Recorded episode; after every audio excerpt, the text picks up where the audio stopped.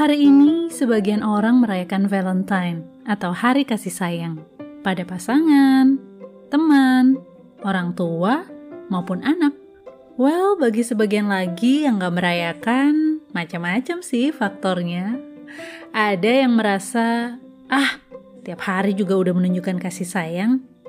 Atau ada yang merasa, omong kosong lah semua itu, asal-usul perayaan yang gak jelas. Ada yang berpikir, ngapain, lagi jomblo, dan lain sebagainya. Well, apa pun alasannya, untuk hal yang baik, gak ada salahnya kan untuk dilakukan. Jika kita sayang pada seseorang, itu juga perlu ditunjukkan. Walau memang gak hanya pada hari ini saja.